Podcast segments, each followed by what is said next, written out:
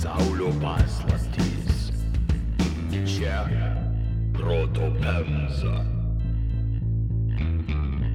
Lietuvoje nėra vietos, kurį vengrišką blyną daro. Kas yra vengriškas blynas? A, atvažiuok į Lenkiją.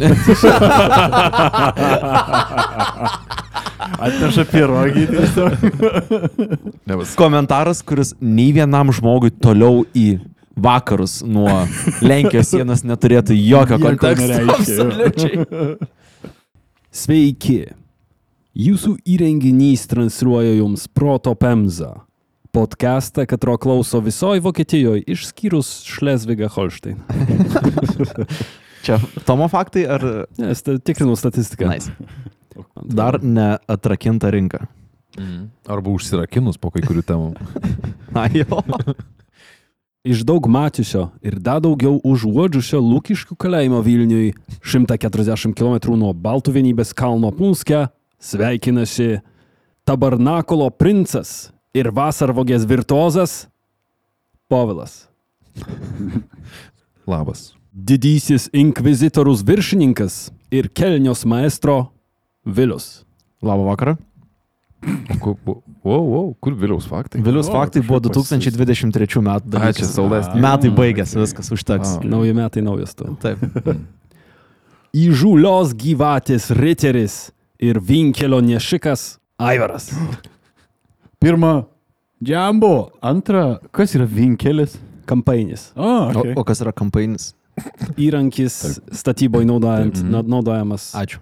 Kurį naudojo Stačiam Kam- Kampams, kampui. jo. ir smaukmatis. It's in the name, ne? O buvo galima paklausti, ką tie žodžiai reiškia? Buvo galima.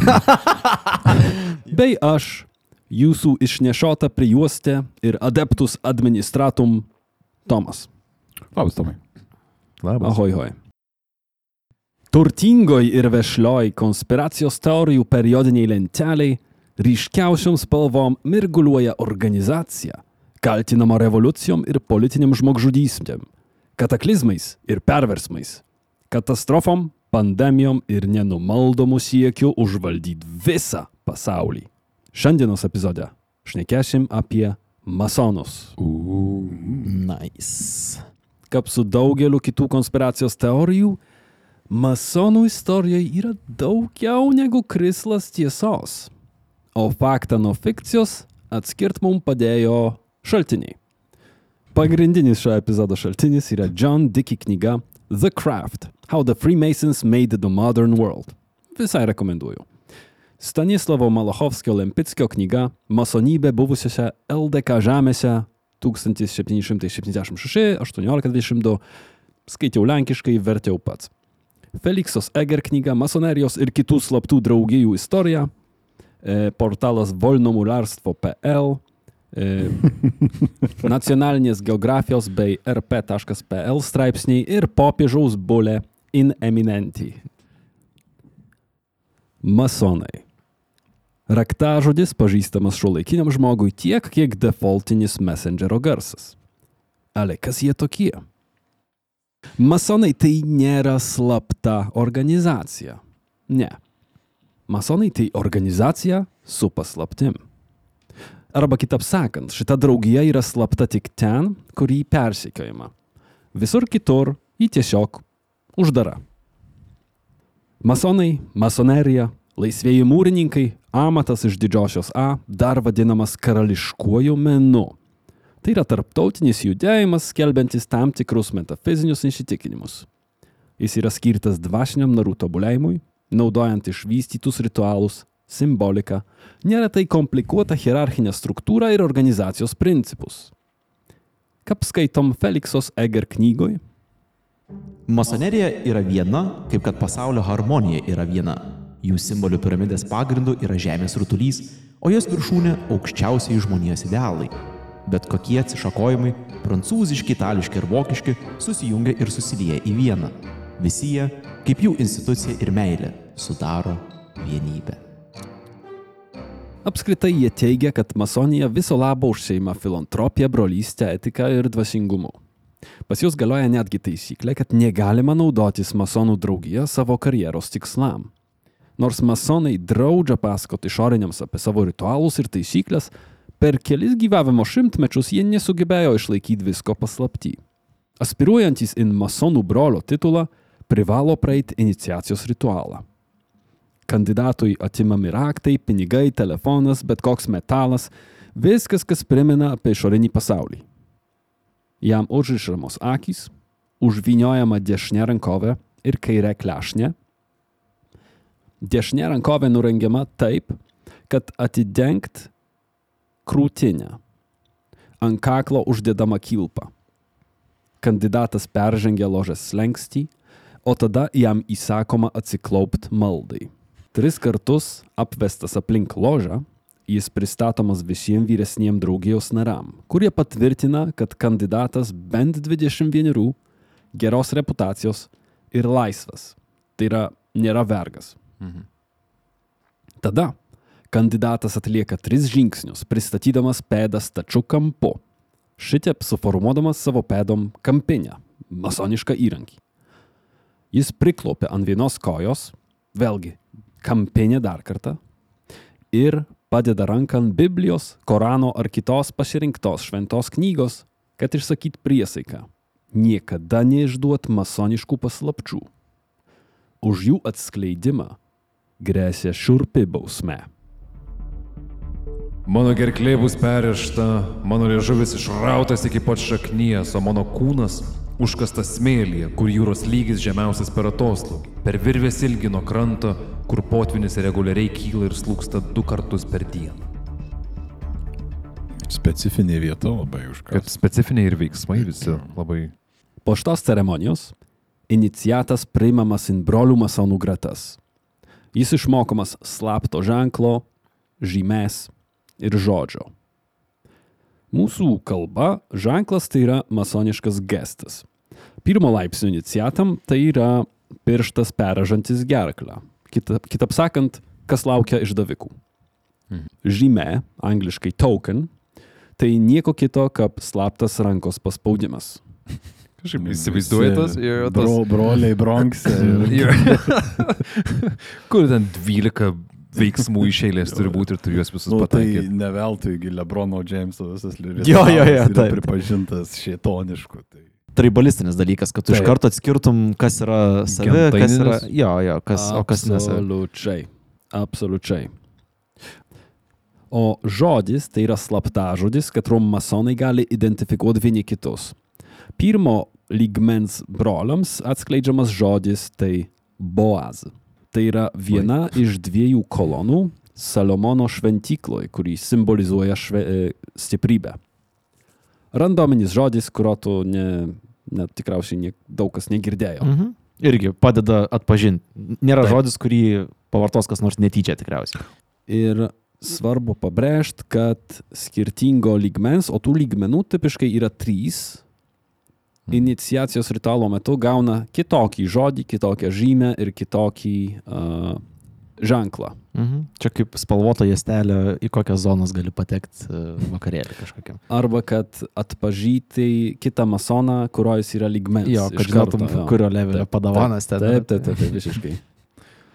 Ir kai masonai mokina e, vieni kitus savo slaptų ženklų, slaptų tiesų ritualų, žemesnių lygių iniciatus jie tyčia mokina klaidingai. A, Ir neatskleidžia jiem pilnos visos tiesos, kurią žino tik tai aukščiausio lygmens masonai. Mėtik pėdas, ne? O jo. Masonas tada apeina aplink ložą ir išsikeičia ženklų, žymę ir žodžiu su kiekvienu kitu broliu.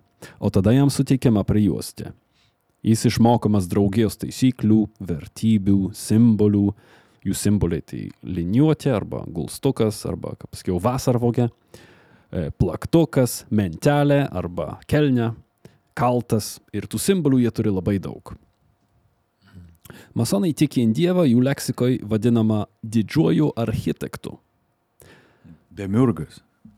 Tas, kuris bent jau graikų, graikų mitologijoje, tai yra tas pirmasis architektas, kuris išmoldino pasaulį. Nu, nežinau kaip lietuvių. Ne veltui tikriausiai to pati ir, ir sąsaja, ne? Jo. Kaip skaitom pas e, John Dickey. Masoniškų ritualų slaptumo tikslas yra slaptumas. Įmantrus paslapčių kultas pas masonus tai ritualinė fikcija. Visi įžadai apie kraupias bausmes už paslapčių atskleidimą tai yra teatras, kurio nieks nevykdo. Tai palakais noriu pasakyti, kad slaptumas yra tam, kad būtų slapta. Kad bu...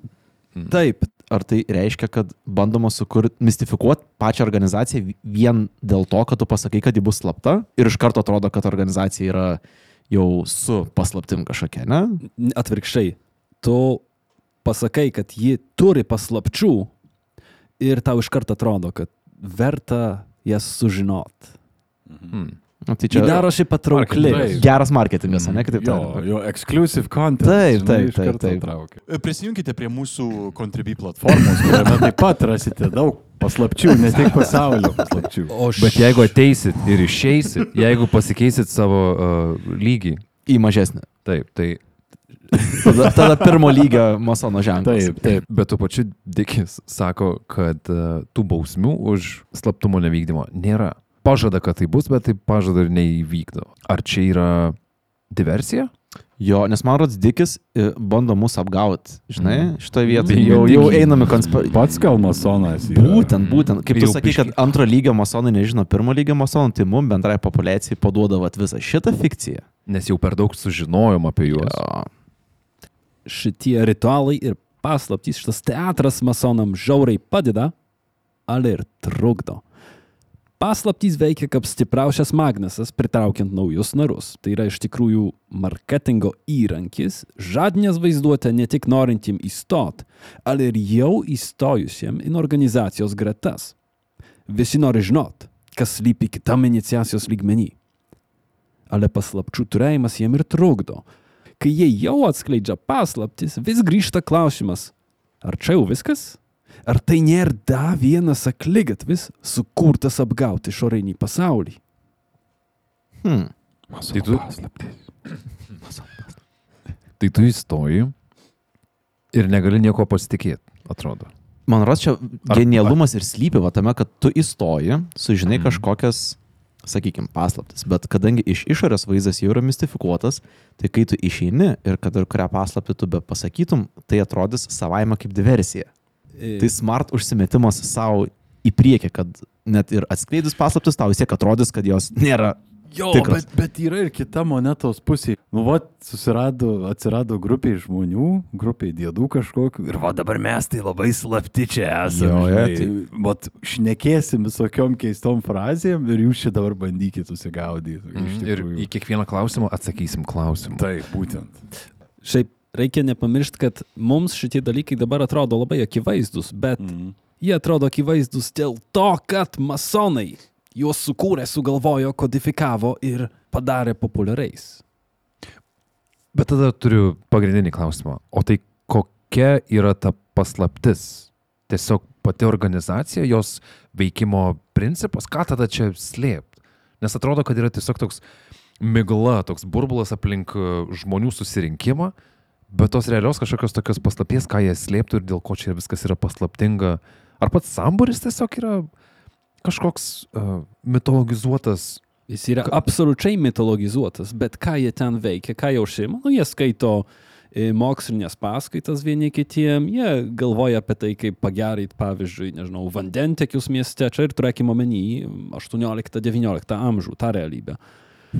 Ir stengiasi gilinti į tam tikras filosofijas e, pirmaujančių savo laikų mąstytojų knygas rekomenduoja, pasakoja. Uh, grinai, tai yra tokia knygų klubas. Klubelis jo toks. tarkim, aš dievo baimingas ir kelias kombinacijas rankom sugebantis atsiminti žmogus, kaip aš atsirasdavau tenai?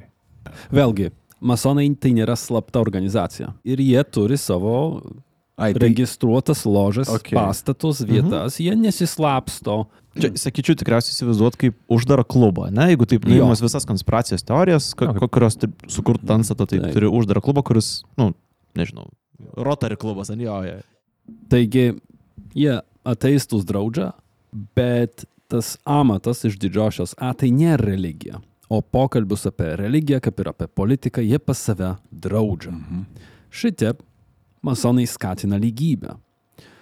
Dėl to jie nešoja baltas pirštinės. Nes tokiu būdu didiko ir valytojo rankos atrodo vienodai. Ir nėra žinia, kas yra e, juodadarbis, o kas yra protinis darbuotojas. Kartu tai irgi eliminuoja turbūt e, temas pagrindinės, kurių pagrindų galėtų atsirasti kažkokios tai skirtys viduje Mhm. organizacijos. Jo, būtent paimi skirtingus žmonės ir per naujas taisyklės juos sudedi į naują lygiavą, Jo, jo. kurią nustato jau organizacijos taisyklės, Šiaip- o ne... Labai įdomiai toks paradoksalus dalykas gaunasi, ar ne? Tas toks tikėjimas aukštesnė gale, kažkokia dvasingumo, kažkokių idealų plėtojimų, bet tuo pačiu tu bandai šitą dalyką patraukti į šoną, Jo. kad vat, musulmonas su krikščioniu nepradėtų kaltis dėl, nežinau, Čia... kaip traktuoti Jėzų ar kažką. Atrodo toks bandymas šiek tiek per, kur- per nusistovėjusią taisyklę, mm. tu turi vis tiek būti tikinti žmogus, kas reiškia, kad mes visi, kurie esame organizacijų, turim bendrą pamatą, ant kurio mes stovim Mhm. patį patį mažiausią, ne, o jeigu jie mūrininkai pamatą tikrai reikia. Ir tada jau statai toliau ant šito su savom taisyklėm kažkaip. Jo. Pirštinės, liniuotės, mentelės, toks primena matematikos pamokas. Žinot, ko man čia trūksta? Vienaragių. Man atrodo, jų visoje Lietuvoje trūksta. Pasak. E, o galiu šiandien aš? Ne, sakysiu ne. Yes! Pasak asociacijos Unicorns Lithuania, Lietuvos startuoliams iki 2025-ųjų Palauk, palauk. Tuoj. Muziką paleisiu. Lietuvos startuoliams iki 2025 reikės šimtų rinkodaros ir duomenų analitikos specialistų. Mm. Todėl Turing College pradeda naują skaitmeninės rinkodaros ir analitikos mokymų programą. Pamiršai pasakyti, kad jūs remia Google. Juos remia Google. Susikarpysi. Jo, įsikirpsiu. Tęsk vėliau, tau labai gerai eina. Mokymų programa sugalvota pagal startuolių poreikius, jos dalyviai išmoks kurti globalias rinkodaros kampanijas, matuoti jų rezultatus, įvairiais pjūviais analizuoti rinką bei praktiškai pritaikyti naujausius dirbtinio intelekto įrankius. O. Nepasakėjai apie dėstytojus. Dauguma dėstytojų patys dirba startuoliuose. Tai sumontuosi. Jo, kaip nors. Tęsk, tik, e, žinai, daugiau įtampos. Gali, pažiūrėjau, mažiau kvepuoti. Nekvepu. Ši programa tiesiausias kelias norintiems pradėti karjerą startuolyje. Jei nėra būtinos jokios žinios rinkodaros ar analitikos rytise, o baigusiems mokymus Turing College suteiks reikalingą pagalbą, norint startuolyje įsidarbinti. Pamiršai pasakyti, kad praėjusiems atranką programa bus nemokama. Bet tai gal susikarpysi? Žinai ką? yra kaip yra. Turing College startuoja nauja skaitmeninės rinkodaros ir analitikos mokymų programa remiama Google. Registruokis ir pradėk karjerą startuolyje www.turingcollege.com/lt skaitmeninė brūkšnelis rinkodara. Gerai?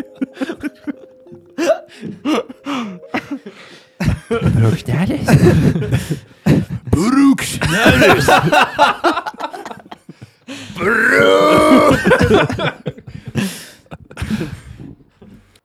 Nuoroda po epizodu. Kalbant apie laisvuosius mūrininkus, dažniausiai turime omeny jų organizacijas. Tai yra konkrečias bendruomenės vadinamas ložėm. Masonai, arba lietuviškai pasakytum akmens skaldžiai, viduramžių Škotijoje ir Anglijoje turėjo kiek sunkesnį gyvenimą nei kiti amatininkai. Kol staliai, puodžiai, mesininkai ar žvakių gamytojai būrėsi į gildijas, mūrininkai to daryti negalėjo. Dėl paprastos priežasties. Tiesiog trūko darbo. Populiariausia 14-15 amžiaus statybinė medžiaga tai nebuvo akmuo, todėl mūrininkų reikėjo per mažai, kad burtis į gildijas. O kai jau reikėjo kokio tai aks- akmens skaldžio bažnyčios, tilto ar turtingesnio namo statybai, darbdavys, nu, skaityk vyskupas ar didikas, samdydavo meistrą mūrininką, o darbininkai būdavo surenkami iš privalomų savanorių. Taigi, individualus akmens skaldys turėjo žymiai daugiau galios nei, tarkim, stalius. O vykstant statybom, apsigyvendavo laikinuose, šiandien pasakytum, barakuose, o jie juos vadino ložėm arba angliškai lodge. Kad toks pra, prabangos, ah. retorinis prabangos sukūrimas, ne? Kaip Bet taip įdomu, ne- lodge yra realiai tokia trobelė iš rastų surasta. Taip. Ne? O ložė iš karto, iš karto turi mentalinį įsivaizdavimą, kad yra eyes wide shut tipo situacija. Okay. Nu, matai, ta trobelė surasta iš, iš me, medienos, pavyzdžiui, ne, nelygi trobelė surasta iš Taip, taip, taip, bet pats faktas, ne, kai ložė, tikrai yra raudono kilimo kažkur. O jo, Lodge. jo, jo, yra raudonmedis būtinai, skamba, jo. raudonmedis būtinai turi būti sunkus baldai. Taip, taip, kad- taip, taip, bet įdomu, kad jeigu žodžio kilmė, tai kiek daug tas anstatas yra sukurtas į priekį. Masonų svarba padidėjo, kai ant Anglijos sosto atsisėdo škotas Jokūbas VI. Tai čia mes esam Sigio, Mhm. Sigio laikotarpį. Karalius įsakė skaitlingus statybos darbus visoje karalystėje, o organizavimo ėmėsi toks didikas - William Shaw. William Shaw subūrė mūrininkus, tačiau šalia oficialių kalbų apie konkrečius objektus, jis sušaukdavo ir uždarus, kartais slaptus pasitarimus. Mat, seniau, kaip ir dabar, statyboje sukėsi dideli pinigai. Mhm. O čia grandiozinės visą karalystę apie man čia statybos. Tai Taip. Dar didesnę įtaką masonų svarbai padarė 1666 metų įvykiai. Gali nebesakyti jau. Bet pasakysiu, Nu. penkias dienas siautėjęs gaisras pavertė Londoną pelenais. Čia kelintas gaisras Londono. Čia, čia yra Paskutinis. didysis. Ai, didysis. Taip. Masiškiem atstatymo darbam pasamdyti mūrininkai greit rado savo vietą ne tik prie pastolių su įrankiais, purvinoše rankose. Jie rado savo vietą prie finansinių institucijų. Tai ar galima 17 amžių laikyti kaip šitos paslapčių profsąjungos pradžia? Tikrąją modernaus mason, masonų judėjimo pradžia laikomas 18 amžiaus antras dešimtmetis. Hmm. 1717 birželio 24 vakaras Londono karčiamoj Žasis ir kryškelė, Goose and Gridrin, buvo ypatingas ne tik dėl Švento Jono atlaidų. Būtent ten ir tada užgimė moderni masonų organizacija. Vienam užeigos kambarų susirinko atstovai iš keturių masoniškų ložų - Karūna, Obelis, Taurė ir Vynogės, bei ta pati Žasis ir Kryškelė. Kažkaip Harry Potteriškai viskas skamba. Jo, jo.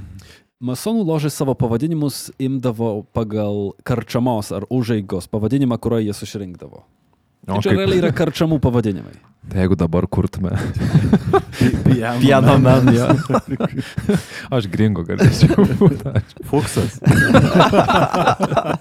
Nice. Čili picas. Submarinas būtinai būtų. O čia Prie žemėjančia Seimo. tvarka. Ja, Prie. Seimo, klausyk, visi Jo, jo. Seimūnai, ką jie ten šneka, mes nežinom, ką girdi visi padavėjai. tenais. Šiaip tai bernelių užžyga tiktų. Jo, jo. Amatininkai būdavo. O! We're on something, guys. Kas trenkia Džonui Dikiui? Dauguma susirinkusiųjų siejo ne tik masoniški ritualai ir idėjos. Jie sukinėjo šitose pačiose Anglijos elito sferose su žmonėm, katruos galimai atsimenat iš iliustracijų istorijos ar fizikos vadovėliuose. Izaoku Newtonu, Benjaminu Franklinu ar karalium Jurgiu I. Ir visiškai neatsitiktinai jie visi priklausė arba prijautė Vigų politiniai partijai, stovinčiai aristokratų, antikatalikų bei antiabsoliutistų pusiai. Tai čia leiboristai šio laikiniai jau ne. Man atrodo, Vigai susijungę su kita ar dar dviem ar trim partijom ilgainiui patapo leiboristais. Kitap sakant, jie prijautė moksliniam metodui, kovojo su bažnyčios įtaka karaliaus dvare, bei norėjo išpešti kuo daugiau teisių iš karaliaus domeno. O čia galikonybė jau atsirado? Taip. Mhm. Taip. Birželio 24 dieną 1717 keturios masonų ložės nusprendė susivienyti į didžiąją Londono ložą. tuom pačiu fokusuojant daugelį išsibarščiusių ir nepriklausomų ložų in vieną. Nėra žinomų rašytinių šaltinių, kurie atpasakotų to vakaro eigą ir susitarimus. Tačiau pats susitikimas buvo paminėtas 1738 pačių masonų išleistam veikale The Constitutions of the Freemasons. Šitam veikale masonai pagaliau kodifikavo savo taisyklės. Priklausome visoms tautoms, kalboms, gimėms ir giminėms. Religija nebus aptarinėjama ložėje. Politika taip pat. Moteris ložėje yra draudžiamos, kaip ir vergai. Labai įdomi takoskyra, turiu pasakyti. Bet ar šitie uh, dalykai gimsta iš temų, kurios kažkaip vargino žmonės tuo metu? Kodėl šitie dalykai paminėti čia? Taip, jie yra, čia yra tų laikų, 18 amžiaus kasdienybės, um, iš dalies atspindėjimas, iš dalies progresyvumas. Mhm. Šiaip žmonės neturėjo balso teisės, bet moterim buvo daug blogiau, net su nusavybės Mhm. teisėm, žodžiu, nepalygina, nepalygyši su 21 amžiumi. Masonai teigia, kad moterys natūraliai mėgsta plepėt ir todėl jų paslaptys nebus saugios su moterim. O kaip inicijuoti ložę reikėjo? Jei gerai pamenu, kad pradėti ložą reikia bent uh, septynių masonų. Bet jau turi būti masonas. Tai Jau aš galiu nebent masonas, atskilt nuo kitos. Neatskilt, A, nes tu gali ložės. priklausyti keliom ložėm Mhm. vienu metu. A, ok. Jo.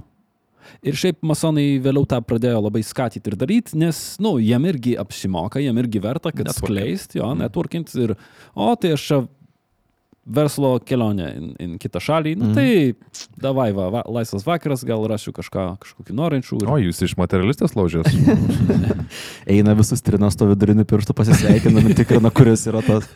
Čia kaip tie, žinai, oro uostuose su kortelėm, visus lounge'us gali Jo, vaikščioti. jo, jo. jo. taigi, jie ten susirinko 17, o tada Mhm. net 38 buvo išleista pirma knyga su jų taisyklėm. Ir ta knyga buvo, jinai kažkokiam tai ribotam ratui žmonių e, skirstoma, ar čia buvo dalykas, kur tu į knygyną nueini ir nusipirki. Man atrodo, kad jie jas duodavo naujiem naram. Okay. Pasiskaityk, pasimokyk apie mūsų taisyklės, apie mūsų vertybės ir, ir taip toliau. Įdomu dabar PDF tiesiog atsiunčia. Turbūt, žinai, Mm. na, čia ne, nejuokaujant, net turbūt. Konstitucijose didžioji ložė aprašė mistinę masonerijos genezę, pasak katros judėjimas siekia pasaulio pradžios. 4000 metų prieš Kristų, kaip aprašyta Biblijoje. Todėl, kad Adomas, pirmas žmogus, Buvo pirmasis masonas? Taip. Taip. Mhm. Kodėl? Dėl to, kad išmokino savo sūnų Keiną, kuris pastatė miestą. O miesto negali pastatyti, nežinodamas masoniškų šventos geometrijos principų. Oi, kaip įdomu retrospektyviai taikyti Jo, šitą dalyką. labai, labai Bet vėlgi, patogu. puikus marketingas šitą vietą. Maža to, tiesioginis Adomo palikūnis buvo ne kas kitas, o Nojus, Mm. kuris pastatė arką, kurį, nesvarbu, kad ji buvo medinė, o ne akmeninė, jai pastatyti reikėjo pasitelk geometrijos principus, kad jie yra centriniai masonų judėjimai. Arba po dieniu koks slaptas židinukas buvo sumūrytas. Mm. Išdėta vis tiek akmenim. Jo. Va, valtis Dramblio. dramblio. Aktų salė visiems tiem gyvūnam. Masonam padėjo ir faktas, kad jie susikūrė tinkamoj vietoj, tinkamu laiku. 18 amžiaus Londone madoj buvo įvairiausi klubai, kur žmonės ėjo pramogai, mokslui, pasinetworkinimui. Nesvarbu, ar domėjosi istorija, sportų, sodininkystė, kortavimu, debatais ar rūkimu. Kaip rašo John Dickey. Purpurinė draugija, potenti signatarai, fakuto broliai.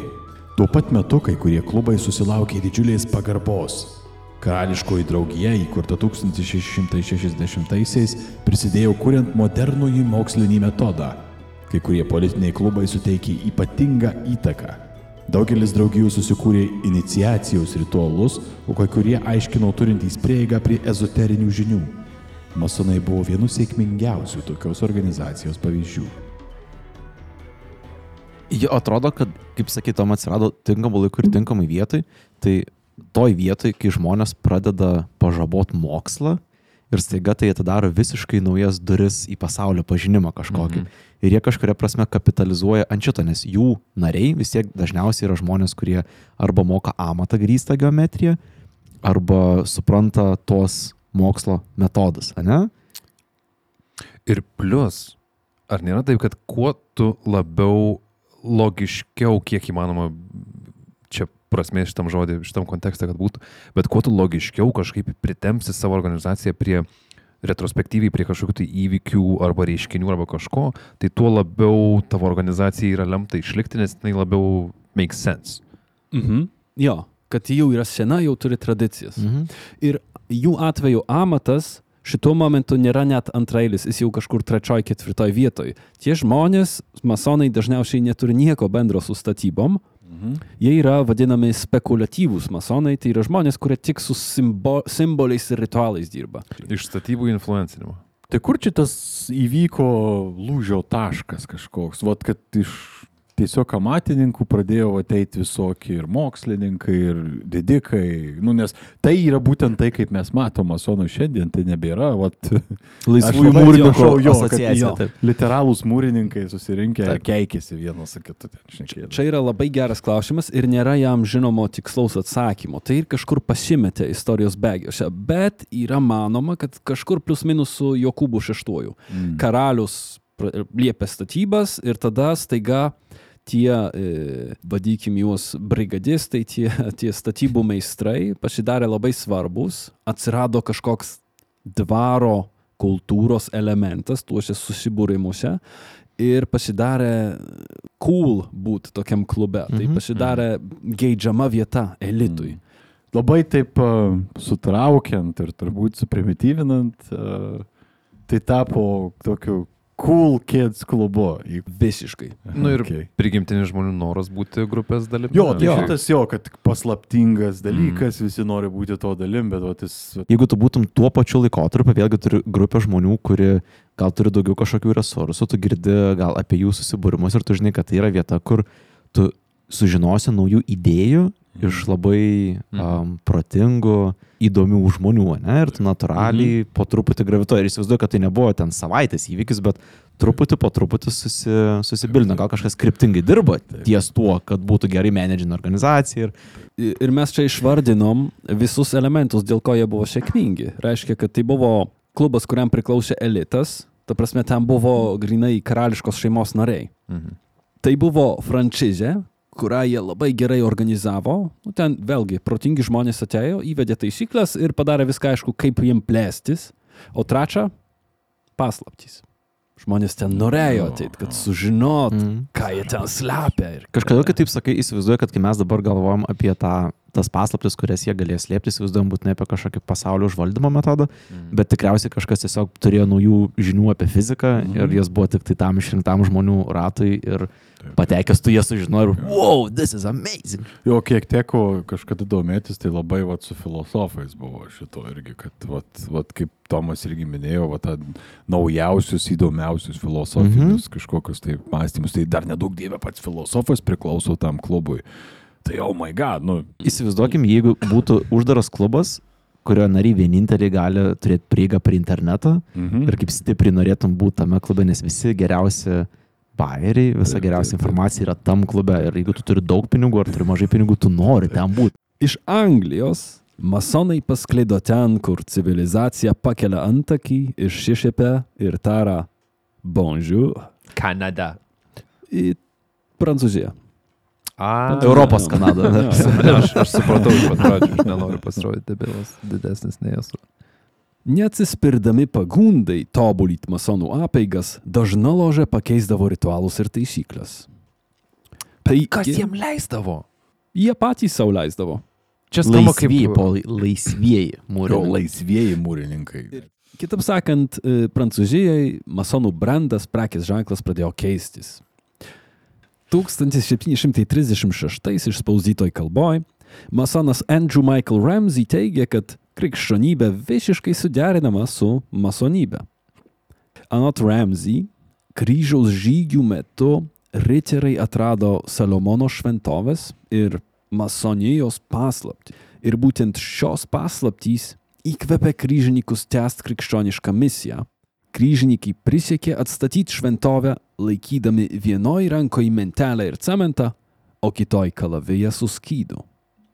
Šitie susikūrė sudėtingos hierarchijos ritualai ir mitai, sukrešėję į skirtingus masoniškumo variantus. Tarp jų be nepopuliariausia po šiai dienai laisvųjų mūrininkų versija - vadinamoji škotiškoji sistema - Scottish Rite. Kam tokiai organizacijai ieškoti kažkokių sąsajų su praeitimi, nors tu jau esi tokia legitimizuota kaip ir bendryje? Kam dar tau ieškoti istorijai savo kažkokių tai šaknų, kurių tikrai nėra, bet tu nori kažkaip pastatyti save į ankstesnį istorijos puslapį? Nes kiekvienos bendrijos, pradedant valstybėm, tautom ir panašiai, nu, tai yra pagrindas, ant kurio stovi tavo organizacija. Įsikūrimo mitas. Jo, Kuo yra Bet- senesnė, tuo Taip, daugiau teisės turi būti būtent, toliau. Būtent. Ir daryti sprendimus, kuriuos daro. Tai šiuo atveju nei viena ilga, ilgalaikė bendryje nėra atskiriama nuo kažkokio tai mito ar naratyvo, kuris... Iliuminatai save pasisenino 200 metų, kai, Mhm. kai įsikūrė. Mūsų e, gerbiamas Adolfas, nu negerbiamas visai, bet e, buvo šimtas kažkelintas Jo. partijos narys, kai Taip, jų taip. buvo keli visą laiką nori atrodyti didesnis negu esi. Jo. Lietuvių kalba seniausia Europoje. Tomai, ne, nešventvagiauk čia šitoj, šitoj vietoj. Čia įdomus dalykas yra, kad jie to nebuvo, tarsi nieko to nebuvo, nes masonų nebuvo. Taip, Bet jie būtent. bando tą taip toli atgal atkas ir tikriausiai supranta, kad daro šitai, bet kieno mitas yra didesnis, žinai, šitoje vietoje. Mes iki kryžių žygių galim nueiti, ar galim dar toliau nueiti, ar Keturis nueisim į- tūkstančius metų atgal, jo. Bet tada labai keista, kaip vis tiek organizacijai kažkas sugalvojo šitą dalyką, ne? Pritempt, atrodo, kad jie progresuoja atgal į istoriją. Mhm. atgal į ateitį, atgal į praeitį. Nu, pirminį praeitį. Jo, jo, taip, taip, būtent, būtent. Ir kaip tada šitą dalyką parduoti egzistuojantiem nariam? Tai tu jį parduosi tik tai naujiem. Nu, bet jeigu tu... E, ne, nepamiršk, kad nariai yra, kaip Tomas minėjo, trijų lygio, ne? Mhm. Ir tu kaip Ai. vadovas nariam pardu, a, neparduodi, atiduodi paslaptis, ne? Mhm. Atrakini su kiekvienu Mhm. lygiu. Ir narys atėjęs mano, kad jis vat, sužinojo ką tik naują tą tiesą tai kažkokią. ta- tau, Sek, pažad... momentas. tai visiškai, tau ne? pažadėta paslaptis dar nebūtinai buvo sukurta pažado metu. Panašu, jo. Super. Žinai, labai lengva ir intelektualizuoti šitoje vietoje, nes, nu, tu kaip masonų ložiai sėdė, ateina pas tave šneka ten Zaokas Newtonas, Jo. tai mokslininkas ir jūs pradedat filosofinę diskusiją, o galbūt masoniškumas radosi jau Saliamono laikais ir mes čia randam, nu, ir Kas nėra taip visus- keista, nes jeigu tu paimi kažkokį idėjos tą thread uh, underlying, Jo, ne, ir jo. jį sėki ir galvo, o gali būti, kad na, mes turim kažkokią sąsąją su šituo, tada aplipdai visą šitą įsivaizdavimą, daug, daug, daug istorijų ir tai tampa tiesa kažkurio būdu. Jėzus Kristus buvo Lenkijos karalius. Tik tiek, kad ką tik tarp durybos kičiai metodais pasisveikino. Jo, jo, jo, jo, jo.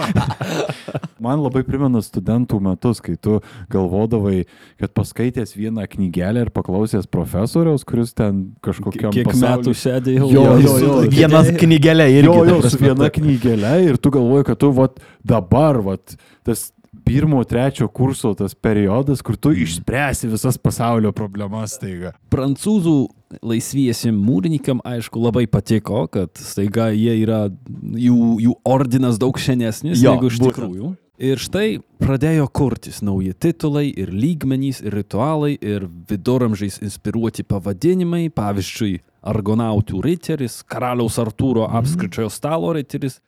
Tarp kitko, pasisveikinimo metu išvardyti titulai yra būtent škotų sistemos laipsniai. Paslaptingas liberalių nerdų toks klubas. Su puikiais rezultatais. Šiaip įdomu. Jeigu išmestum visą paslaptingumą, tai čia tokia mokslinė filosofinė draugija gautųsi. Taip, visiškai. Tik tai su ritualais. Va, Tik šitas jo, yra. Pagrindinis dalykas, tikriausiai, Reikėjo nuo... kažko tokio atydami. Tai galų gale e, škotiška sistema apsistojo ties 33 iniciacijos laipsniais Nuo trijų. nuo trijų. Ok. Bet jie, čia, čia net nelabai suprantu, jie teigia, kad yra oficialiai 3 laipsniai ir trečias yra aukščiausias, o tie visi kiti yra papildomi, nežinau, vadikim, side quest. Yra kažkokie. 1, 2, 3, bet yra 1,1, 1,2, 1,2. Ne, yra 15, yra 16, yra 17, bet trečias yra aukščiau 16. Jo, jo, taip, taip, taip. Bet čia specializacijos, man Ai, atrodo. kažkas tokio, jo. Skamba kaip jeigu Kad tas- Pokemonai būtų biški išsišakoję per daug. Nu jo, nu jo. Čia kai turi taisyklės ir tau reikia taisyklėse išrasti naujas taisyklės. Aha. Nepajudinant senųjų. Taip. Nu ir, ir gavosi tokia klasikinė judėjos liaudės fronto ir populiaraus judėjos fronto situacija. Life of Brian fanai. Taip, kad Paplokit ski, skirtingos e, masonerijos frakcijos ne visada rasdavo bendrą kabalą. Ir baigdavosi muštynėm su kumščiais, o kartais netgi ir lasdom. Su intensyvia legendų ir vidaus taisyklių plėtra, masonų ložėse atsirado vieta ir moterim. Apie 1730-40-uosius pradėjo kurtis vadinamos adaptacinės arba moteriškos ložės. Aukštinaro mo mokesčiai reiškia, kad masonų gretas papildydavo praktiškai vien tik kilmingo gimimo ponios. Tai jų nebuvo daug, tai nebuvo masinis judėjimas, vis dėlto elitinis klubas, bet štai ir, ir moteris buvo leidžiamas. O jos, gal žinai, turėjo sąsajų e, moterų klubai su vyrų klubais, nes vėlgi, jeigu imsim, kad idėja yra pagrindinė valiuta, kuri yra... Vat jie negalėjo būti kartu vienam, Taip, taip, taip, patalpoj. bet Tai buvo- idėjas šėrint jo. Jo, absoliučiai. Absoliučiai. Nu, tai buvo vis tiek lygiaver, lygiaverčiai nariai. Įdomu, kodėl atsirado moteriškos ložės. Ir atsakymas yra toks, kad masonai buvo pradėti kaltyti homoseksualumu. Oldest trick in the book. O tai nenusikratė visko nuo uh, krikščionybės. Ne?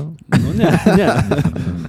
Vat, i, 18 amžiaus prancūzijos homoseksualai naudojosi panašiais sprendimais kaip ir masonai. Jie turėjo slaptą žodyną, slaptus rankų paspaudimus ir dar kreipėsi vieni į kitus per brolį. Mhm. Tai, tai čia net nebuvo, tai nusistovėjęs buvo dalykas, man atrodo, net ir 20 amžiui. Ir turbūt daugelį žodyną. pasaulio vietų O, tas jo, toliau veikia. Visiškai. Nu ir natūraliai, kai pradėjo leisti moteris, tai kai kurie masonai pradėjo piktnaudžiauti šituo faktu ir in savo apeigas ar vakarėlius kviesdavo prostitutės. Galėdavo atgabenti legaliai. Vat, aš lauk- Kubrick. pusantros valandos praėjo ir dabar tik tai mes prieėjom prie orgijų. Pagaliau. Atsisega kelnes. Svarbu nepamiršti, kad masonai toli gražu neišpažino savo laisvės ir lygybės idealų, taip kaip mes juos įsivaizduojam šiandien. Priklausomai nuo aplinkos, jie aplipdavo vietos kontekstu. Prancūzijos atveju tas kontekstas stipriai susijęjo masonus su katalikybė ir tuo metu bažnyčios skelbiamos meilės artimam versijos. Tobulaus nuširdumo ložė Marselėje invedė taisyklę, pasak kurios Visi profanai, tai yra nemasonai, kuriuos ištiko nelaimė būti žydais, Mahometo išpažintojais ar negrais, negali būti siūlomi kaip kandidatai. Jo, tiek iš to supratingumo ir liberalumo ir um, nerasistiškumo. Ir... Tai čia įvyksta tam tikras pasikeitimas, ne? nes anksčiau... Čia yra viena ložė. Jo. Ir čia yra vienos ložės buvo vat tokios, o kitos buvo visiškai, ateikit visi, mums nesvarbu. Kas vėlgi atrodo įmanoma vien dėl to, kad yra tik tai labai palaidas taisyklių kažkoks Jo, derinys. guideline. Jo, kurį gali sekti, bet kas jau nutinka, kai žmonės susibūrė, jau susibūrė. Žinai, Lenkijai būtų Jėzaus mylėtojų burelis koks nors, pavyzdžiui. Kosminių kontaktų. Ko, kos, kosminių kontaktų klubas. Taip, taip. Taip, Labai, labai amorfiškas. Jo, bet čia viena vertus gali skambėti kaip silpnybė dėl to, kad tu gali įsileisti realiai bet ką, bet kita vertus tu gali įsileisti bet ką, kas reiškia, kad tavo vardas ir organizacija labai skėtinis yra. Vėliau visam pasaulyje gali turėti. Įsivaizduoju, kad nepaisant to, ar tu esi masonas, kuris priklauso labiau rasistinių pažiūrų, pažiūrų e, bendruomeniai ar ne, kai tu turi tą handshake trinantį tavo delną vidurį, tu jau šneki tuo metu nebe su kitos rasės atstovu, o su fellow masonu. Mhm. Ir tai panaikina, Taip. tu jau turi būti jo šitoje šito vietoje. Nu, abu su baltom pirštinėm. Taip, akivaizdu. Ypatingo dėmesio konspiracijos analuose susilaukė masonam gimininga organizacija, tariamai valdanti pasaulį su strategiškai nutaikyta minčių kontrolę, politiniam žmogžudystėm ir trekampiais. Iluminatai. Na, nice, paliesim iliuminatų šiandien. Okay. Vokietija. Sveiki, klausytojai. Štai vietoj turėjo būti segmentas apie iluminatus. Bet jis iki epizodo nepateko ir teko jį perkelti in contribui. O, ne. Bet gera žinia, ne viskas prarasta. Už vos mažiau nei alaus kaina turbūt. Taip. Šiai dienai taip. Taip. Gausi prieimą prie daugiau nei 70 unikalių turinio vienetų, kurie prieinami tik tai mūsų ramėjams.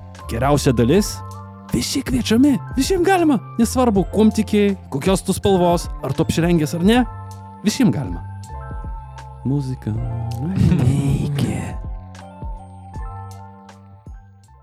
Kaip ir kiekvienas gerai parašytas X-menas, taip ir masonai privalėjo turėti savo nemesis. Jų prisiekusieji priešai, asmeniniai popiežiaus pasiuntiniai, Kristaus kareiviai ir mokyklų direktoriai. Jėzuitai. Žinoma. Jėzuitai laikė laisvošius mūrininkus bažnyčios priešais numeris vienas. Konfliktas su 18 amžiaus katalikybė rodos buvo įskiepytas į masonų organizacijos DNR su jų deklaruojamu racionalumu, visų žmonių lygybė ir mistiniais ritualais. Tai čia šitas nepatiko bažnyčiai, kad yra visų žmonių lygybė ir... ir... Bet ir ritualai. Bažnyčia nori Jo, turėti monopolį. Jo, ritualam. būtent, būtent. Atsirado uh, cooler kids in town, kurie daro kažką. Pilną katalikiško pasaulio rūstybę masonai užsitraukė su jėzuito Augustin Baruel 1797 metais išleistu veikalu. Mémoire pour servir à l'histoire du jacobinisme. Arba atsiminimai iliustruojantys jakobinizmo istoriją. Jo. Taip lietuviškam pasakymą trūksta to gerklinio liežuvėlio virpėjimo. Tomai. Tirtėjimo, ne vėliau. Ilgai, ilgai treniravausi. Knyga aiškino Prancūzijos revoliuciją. Tai yra įvykiai, kuris šokiravo tuometinę Europą, o ypač panašių reikalų savo kieme išsigandušius valdovus. Jakobinai tai buvo vienas radikaliausių revoliucijos sparnų, kuris Taip, taip, turėjo taip vadinamą e, jakobinų terorą. Daugiausiai galvų nuskrėjo. irgi, irgi prasidėjęs kaip klubas, man atrodo, buvo Prancūzijoje. Nu, Jeigu neturėtume stalinizmo, dar iki dabar kalbėtume apie šitą kaip Taip. uh, labiausiai Jo. žmonės žudantį. Baruelis išdėstė pagrindinę knygos tezę. Viskas Prancūzijos revoliucijoje, viskas iki labiausiai pasibaisėtinų darbų buvo numatyta, iš anksto suplanuota, suorganizuota, aptarta ir nuspręsta. Šių darbų širdyje slypi giliausia nedarybė, mat viską paruošė vyrai, nupynę slaptų draugijų intrigų siūlą. O čia disas kam? O, geras klausimas. Mistiškai grupuotėjai, kuri viską suorganizavo, suplanavo ir įvykdė. Tai nebuvo atsitiktinumas kažkokių socialinių įtampų pasiekme, sunkių ekonominių problemų valstybei išdava, kurie tęsiasi dešimtmečius. Ne, ne, ne. kabalas slapta. Taip. Čia yra sėkmės prakeiksmas. Vėlgi, masonai buvo tokie sėkmingi, sukurdami mitą aplink save, kad tas mitas grįžo atgal juos hontinčioje vietoje. Ir šitas mitas jis dar gyvas. O. Vis dar yra žmonių, kurie tiki, kad Prancūzijos revoliuciją suorganizavo masonai. Jo. Jo, nes žmonės, kurie yra galios pozicijai, labiausiai yra suinteresuoti suorganizuoti revoliuciją, kuri panaikina galios pozicijas. Taip, Visiškai.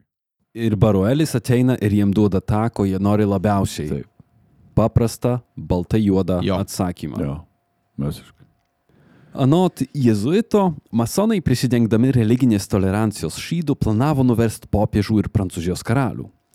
O žagalvio dievo Bafometo stabmeldžiai mulkino naujus ložų narus, pamaži intraukinėdami juos į savo ritualų ir paslapčių sistemą, kol aukos prarasdavo gebėjimą pasipriešyti.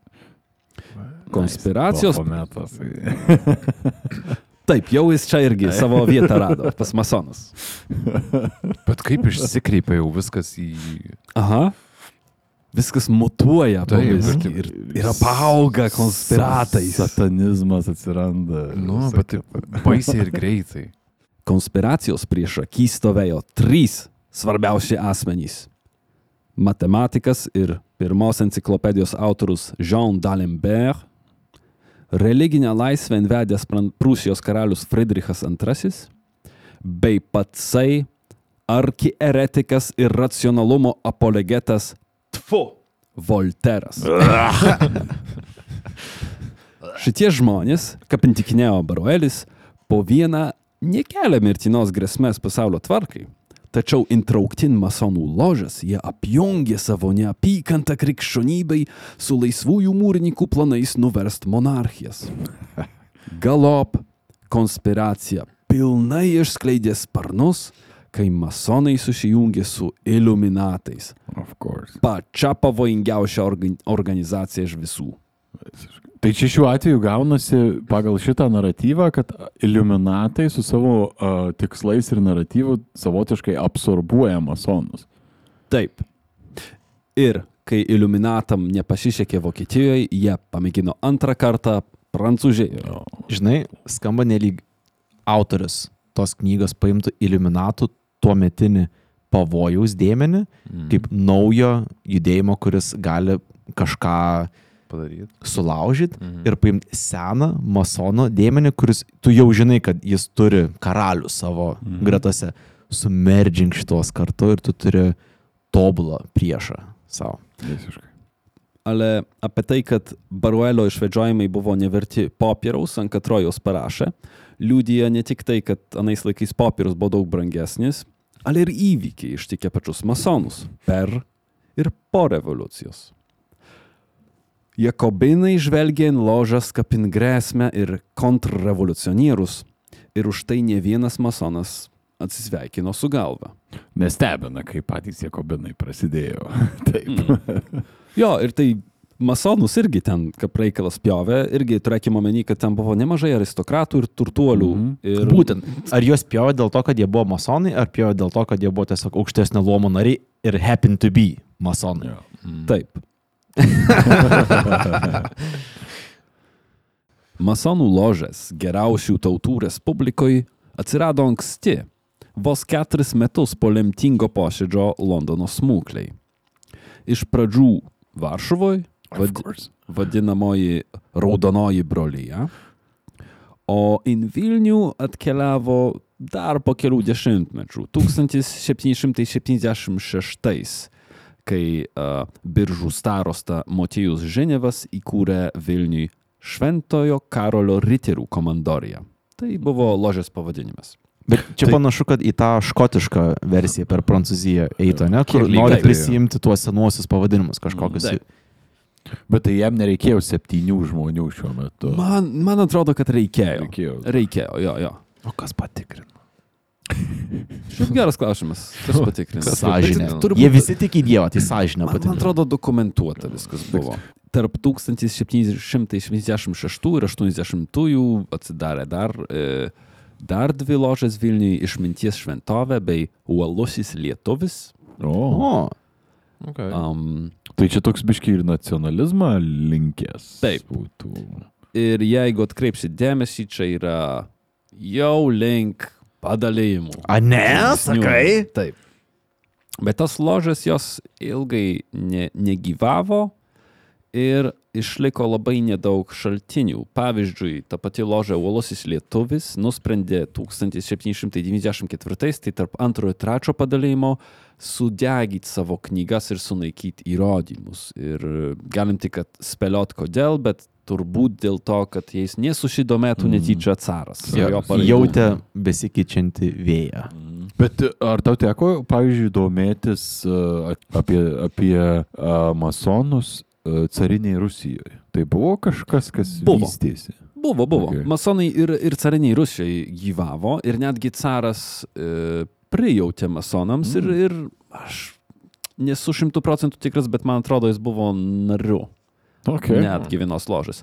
Kuris Jis norėjo čia dabar? Aleksandras Antrasis? antrasis ar pirmasis. Okay. E, Ir, ir jis tikėjosi naudotis masonų ložėm kaip politinių instrumentų. Įtakos Taip, priemonė. jo. Taip. Ir mūsų valstybės istorijai yra toks gana reikšmingas epizodas, kuriam masonai prikišo savo nagus taip riebiai. Epizodas vadinamas Gegužės trečiosios konstitucija. Nice. Tai visgi užvaldė valstybę. Ne, bet tai čia būtų iliuminatai tada. O čia jau kažkokie pseudomasonai gaunasi, ne? 1788 susirinko vėliau vadinamas ketverių metų Seimas. Rusijai įsivėlus į karą su osmanais, o kitam fronte su švedais, politinis geter elitas išjautė momentą paliuosuot rusiškus antrankius, kas buvo ypač aktualu brolybės ir laisvės idealų skelbiantiem masonam, katrie sudarė beveik penktadalį visų ketverių metų Seimo narų. Tai beveik 2 procentų yra masonai. Okay. Tai jie čia tokia brolybė ir laisvė čia vos ir lygybė ar ne išeina, tai čia gaunasi jie tam tikrą prasme tokia organizacija skleidžianti ne Prancūzijos revoliucijos idealus, bet tuo pačiu metu kaip ir tokia, kurią bando nudusinti kuo labiau, ne? Šiaip jie buvo, pasakytum, patriotai arba nacionalistai. Jie mėgino išgelbėti, mm. kad valstybė išliktų kažkokią tai formą bent. Konstitucijos kūrimo darbai prasidėjo dar 1790 gruodį. Elitas su šitom dokumentu siekė ambicingų tikslų. Jie planavo radikaliai reformuoti valstybės valdymo modelį, invest didesnę lygybę tarp skirtingų luomų, bei sustabdyti brestančius caro bei Prūsijos planus aneksuoti GTR žemės.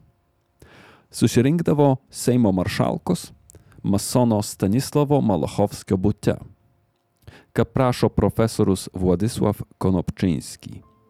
Paslapčia sueidavo šviesiausiai patriotai, jei ne vien tai beveik vien masonai. Potockiai, Kalantiejus, Tadeušas Matuškevičius, Nemcevičius, Soltikas posėdžiavo konstitucijos klausimų, diskutuodami prancūzų, anglų ir amerikiečių pavyzdžiais. Kitaip sakant, šnekėjo apie Montesquieu idėjas, jo. Apie valdžių padalymą. Irgi masonas beje. Konstitucijos autoriai sužinojo, kad jų siekius remia ir patsai karalius, caro Petro III kakoldintojas. Kakoldys. Virka koldys. Nice. Stanislavas Augustas Poniatovskis. Jisai priklausė?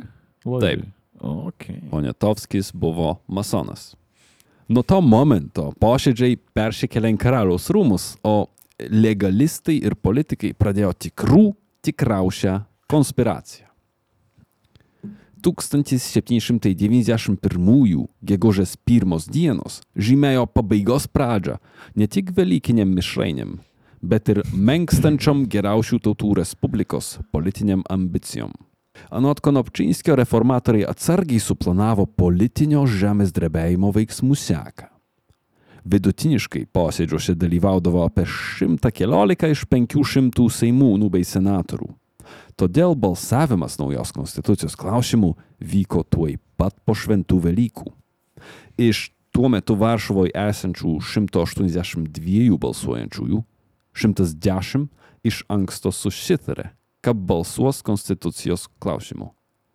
Belieka 72 užtikrintai arba potencialiai prieš. Konspiratoriai pasirūpino ir smulkesniam detalėm, apsodinę Seimo tribūnas palankiais savo miestiečiais ir žiūrovais. Maža to, susirinkimą jie netikėtai pankstino, suprasdami, kad tokios skalės planų jie neišlaikys ilgai paslapti. Tad posėdį pankstino iš gegužės 5 Inge Gorzės trečią. Okay. Gegužės trečią dieną pilies aikštėje Varšuvoje susirinko minia, skambėjo entuziastingas palaikymas karaliui, o Seime vyravo pakili tačiau nervinga nuotaika. Ką prašo Konopčinskis. Didžiuliam susijaudinimui tarp demonstrantų minios Seimas prieėmė įstatymą. Karalius buvo pašauktas, kad jį prisiektų. Karalius pakėlė ranką norėdamas kalbėti, tačiau minė palaikė šį gestą pačią priesaiką. Sapieha išnešė ant rankų. Tuoj paskui Malachovskį neva triumfo vardan, tačiau iš tikrųjų jį išnešė, kad nas neoponuotų. Naują valstybės santvarką valstybėje įvedė tikslo sąmoninga mažuma, tačiau išlaikydama daugumos teisę - 114 prieš 28. Neįtikėtinai laimingi savimi. Masonai prastūmė šitą konstituciją, tikėdamiesi, kad viskas bus gerai. Tai jau Alpo iš laimės, kaip suprantu. Taip. Karalius pakelia ranką, nori išnekėti, bet žmonės, yeah! Jo, vis ten. Ir man rodos, Užsičiauk ir mano pinigus, žinai. ir man atrodo, jis net tada, ai tai nešnekėsiu. Skamba kaip uh, iš ofiso ta. jo. Galim didžiuotis konstituciją, galim vertinti ir ciniškai, mat jau kitais metais vadinama Targovicos konfederacija paskelbė šitos Seimo sprendimus negaliojančiais, ale net jai žlugus, masonai niekur nedingo. Ką liudija 1794 Koščiuškos sukilimas. Katrį pradėjo Tadas Koščiuško, Ignatas Patockis ir Hugo Kalantiejus. Tai dar pasakyk, kad tai Košiuška buvo masonas. Visi trys buvo masonai. Oh, shit. Bet čia skamba toks vieta, kur you meet people, žinai. Mm. Turi Facebook akantą Mhm. maždaug. Ar Dabar, dabar tai žinom, bet jeigu be konteksto skaitai šitos jo, įvykius, tai atrodo iš karto. Konspiracija. Taip, taip, taip, taip, taip. taip. nepaisant gerų norų ir aštrų protų, sukilimas žlugo. Trečias padalėjimas. Taškas. Reikėjo Lenino, kad būtų panaikinta šitas startis. Rimtai. Nu, jo. Pirmais 1800-ųjų dešimtmečiais Europai praužė uraganas vardu Napoleonas. Prancūzijos karvedys ir valstyb kūrys, nors pats nebuvo masono, ale jiem tikrai prijautė. Ir savo žygyje ant Rusiją paliko po savęs ne tik kelius pilnus lavonų, ale ir gyvybingas masonų organizacijas. Tarp jų ložia pavadinimu Uolusis Lietuvis, kuriai vadovavo didysis meistras, Napoleono laikų Vilniaus miesto meras ir kito žymaus giminaičio prosenelis Mykolas Juozapas Riomeris. Ha, ok. Anot Malachovskio analizavusio jo žodžiais daugumoj nuobodžius išlikusių e, ložų posėdžių protokolus, uolus šis lietuvis išsiskyrė e, aktyvumu ir idėjom. Pavyzdžiui, organizacija nusprendė, kad didžiausią naudą jai jį atneš remdama dailę, meną ir mokslą, tad savo lėšom jie sukūrė fondą remt studentam. Ale masonai padeda visų pirma savo. Jie skaitė vieni kitiem mokslinius pranešimus, diskutavo apie savišvietą ir efektyvesnį savo darbų organizavimą. Protokolai, pavyzdžiui, liudija apie atvejus, kai uoliojo lietuvio nariai buvo kviečiami dalyvauti iš kitos ložės atvykusio brolio koncerte. Taigi, pardavė daugiau bilietų Mhm. tam koncertui. Uh, Kita kart, vienas brolis skundėsi nepakankamu susidomėjusių skaičium savo teikiamom italų kalbos pamokom. Uoliojo lietuvio nariai padėjo ieškoti jam daugiau norinčių. Ale tegu nekyla įspūdis, kad jie buvo savanaudžiai. Malachovskis kartoja, kad masonai užsiminėjo vis dėlto labdarą nepasiturintiem, o netgi ir pačiam miestui. Iš protokolo. Brolis Kontrimas iškėlė pasiūlymą, nes didžiulis akmuo Vilnelėje, šišu vadinamas, kuris ilgą laiką trukdė plaukti, buvo išimtas dėka kai kurių uolaus lietuvio brolių narių. Todėl deramų jis Kontrimas laiko, kad šis įvykis būtų paminėtas ložės statybinių darbų knygoje. Tai akmens išėmimas iš upės yra uh, Masono įvykis darbas. masono mane. Statybinių darbų knyga, labai įdomu. Atrodo šiek tiek uh, nusileidimo taškas šiuo metu būtų nuo... Atsiųsim sąskaitą. Į- Turėjo ir ambicingesnių tikslų. Pavyzdžiui, tūkstantis. Ištrauk du akmenį. Šiaip jie norėjo ir kitą akmenį ištraukti kažkur, bet man atrodo, kad Niekas neužrašė. Ir įdomu, kur tas akmuo dabar yra. Mm, turėtų būti Vilneliai. Ne? Ištrauktas turėtų būti. Ne, tai sakai, antrą norėjau ištraukti, bet neištraukti. Mm. Jo. Protopemza.gmail.com. Kur, žino, kur šišas? Hashtag parašykit, susikurkit proton mailą ir parašykit mum į gmailą, kad... Kur, Žinau. kur šišas du? Gaunas. Man ir pirmas įdomu. Ai. Ištraukė, bet jo kažkur netyčia, gal jis ne. ten liko kažkur prie Mm. kranto. Masonų paslaptis. Masonų paslaptis.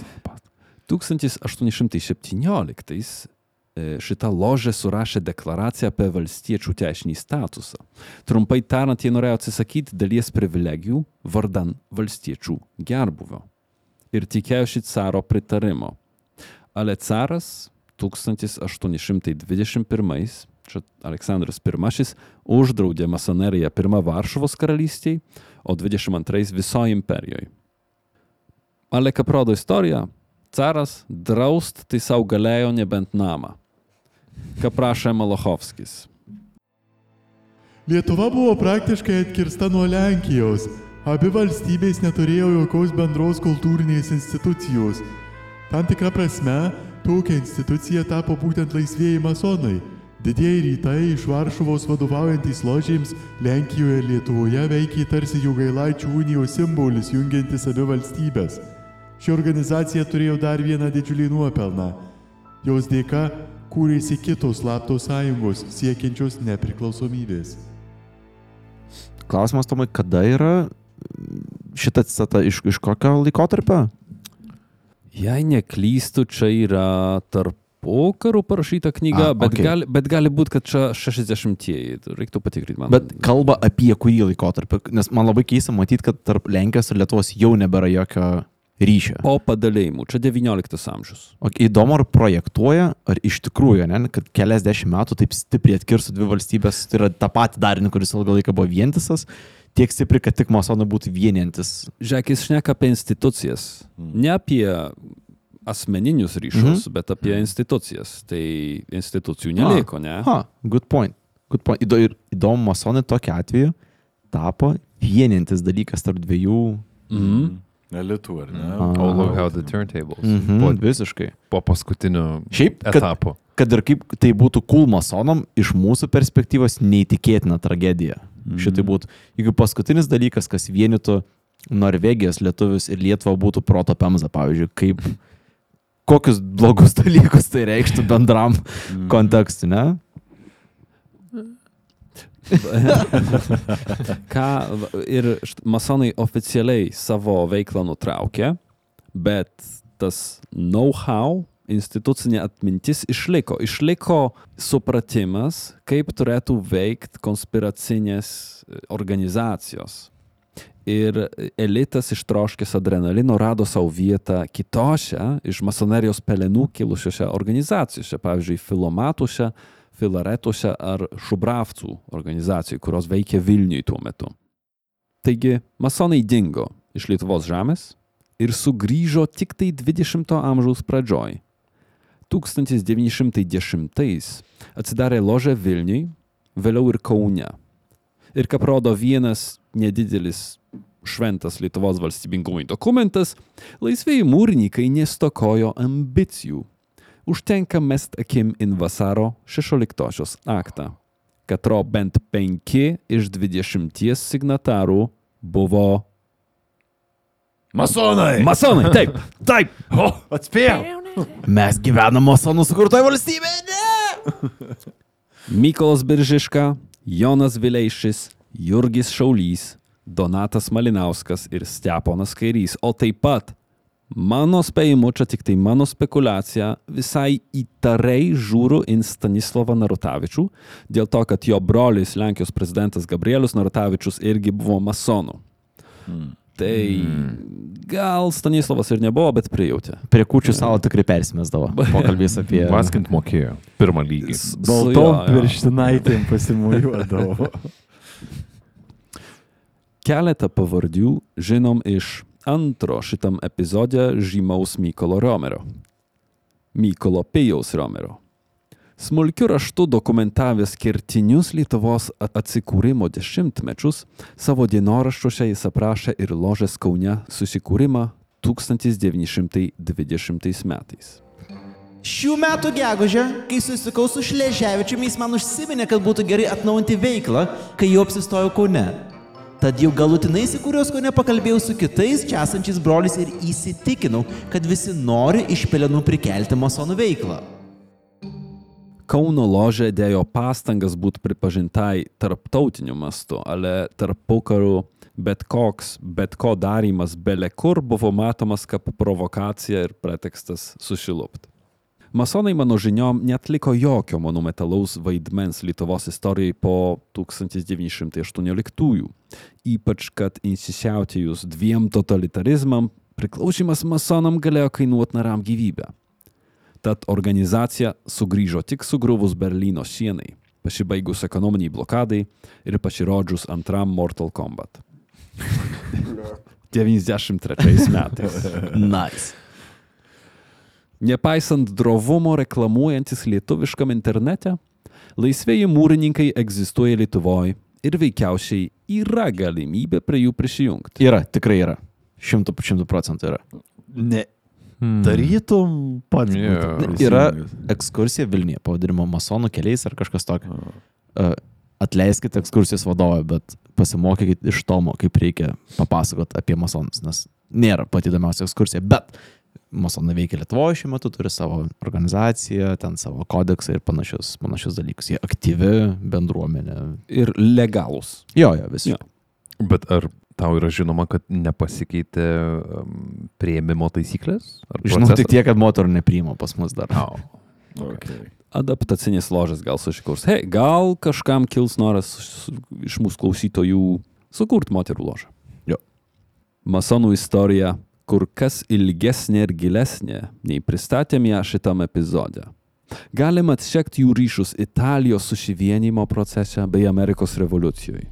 Jų slaptom apeigom inspiravosi Kuklux klanas ir mafija. Praktiškai kiekviena pasaulio valstybė galėtų papasakot šį bei tą apie komplikuotą dėlionę, vadinamą masonais. Ir nepriklausomai nuo to, ką išgiršim apie laisvuosius mūrininkus, neatsikratysim įspūdžio, kad kai kurie dalykai taip ir išliks tolima ir neįmenama pasaulio paslaptis. Pasaulio paslaptis. Mažiau nei tikėjausi sekso buvo, aš tikėjausi daugiau nuogų, nepatrauklių vyrų su gobtuvais, kurie ten daro keistus dalykus ir paskui bando tai pristatyti kaip rimtą politinį įėjimą. Gerai žinot, nes kas čia žino, gali būti, kad ateityje tokios organizacijos vėl, vėl kažkaip tai išnirs kaip, kaip gana svarbų žaidėjai, arba bent jau panašu, kad e, bent jau masonų atveju tai veikia kaip labai tokie efektyvūs kontaktų kūrimo ir kažkokio tai uh, organizavimosi tinklai. Ir šitas gali, nu, kartais atrodyti labai konspiratoriška, bet iš kitos pusės gali būti ir, nu, tokia skiriamasis uh, ženklas tarp išlikimo ir nebūties turbūt uh, valstybinėms dariniams kartais. Tai ačiū, kad nušvietai šitą, šitą istoriją. Labai paslaptinga istorija su paslaptinga organizacija. Ta mistika, kuri kažkaip turėjo išskirti jų, mano manimu, jų grupę iš visokių kažkokių tiesiog vat, informatikos būrelio. Ne?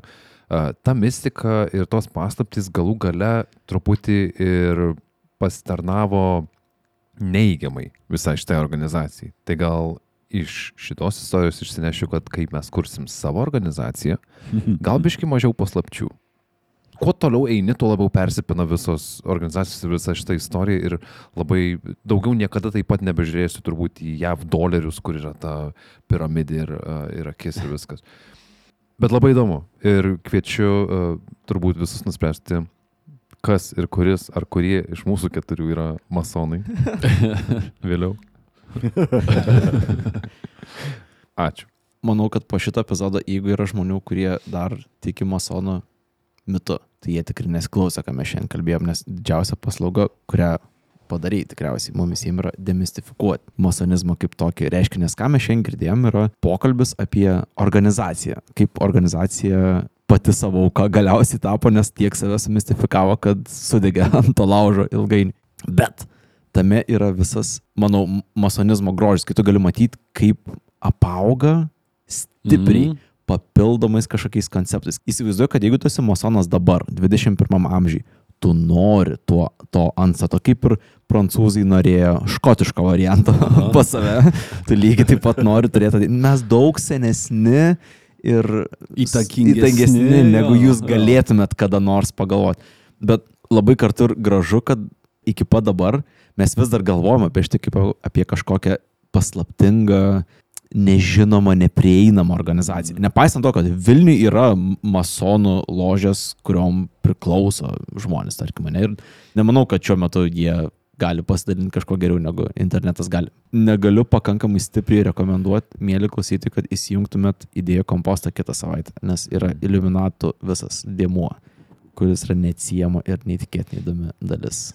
Jo, istorija. įdomiai su, suveda, ar ne, viską Mhm. į vieną. Tai ačiū Jums, ačiū labai, mėly klausytojai, už tai, kad ištverėt iki šitos uh, po vidurnaktinės akimirkos. Ir, uh, Taip norėčiau, kad būtų nors vienas klausytas, kuris klauso taip pat, kaip mes pradėjome rašinėti, jo, kad sutampa visą šitą. Linkim užsukti mūsų socialinės medijas išvardytos linkuose aprašyme. Facebook'e, man atrodo, YouTube'e ar Spotify Man irgi. atrodo. Ir jeigu mėgstate žiūrėti, kaip dega kaimyno stogas, būtinai užeikite į Kažneką Kažneka Lenkija, Facebook'e, ačiū Aivarai, labai puikus. e, Segvėjus. Netiesioginis marketingas. Tavo reklama, ne mano. My pleasure. Ir sveikinu visus su pirmu ketvirto proto pemzos sezono epizodu. Ačiū Jums. Laimingos Jums kloties ir gražių metų. Iki. iki. Pasaulio paslaptis. Iki. Pasaulio paslaptis. Ei, wow, wow, wow, nepabėg, mes dar tau padėkot norėjom. Norėjom padėkot mūsų kokteilio lygio remėjam. Tai jeigu planavai išjungt, neišjung, o jeigu esi po dušu arba vairuoji, tai ir taip ne. Stiprybės tau, jo. Sveikas atvykęs. Jo, ar jie ant tuliko sėdi, tai turbūt nešoksi dabar. Tikrai visi esat buvę situacijų, kai klausėtės podcast'o, prasidėjo padėkos ir negalėt perjungti. Tai dabar ženkime į šią situaciją. Didžiulis ačiū Julijai, Gvidonišui, Palapnokui arba Palapnojimui, Netadeušui, Leonui, Domui Verikui, Mantikorai, Tomui, Soliukiai, Mantui Šmečiui, Giedrai, Vykintiai, Gniužby, Gintarai ir Irmanai, Regimantui, Rezidentui, Pavasarytei, Sugelytė, Guželiui, Arnui, Mariui, Indrai, Vytskuliui, Davidui, Simonai, Dainiui, Linui, Jaspiui, Davidui, Juratijai, King of the Mountain, Laurai, Ernestui, Evelinai, Aleksui, Vargo pisuokliui. Na, bet žiūrėk, pinigų koktelį turi. Mantui, Želvinui, Sauliui, Rimai, Pauliui, Aivaro Meiložiai, Aivarai, tau šis džem. Čia, čia gintaras, ar ne? Jonas. Ne vieną mylužę panašu turi. Bet jau čia pagavo. I get around, I get around, I get around, round, round, round. Jutai, Emai, Tomui, Kriokliui, Kamtušikiui, Majakiui.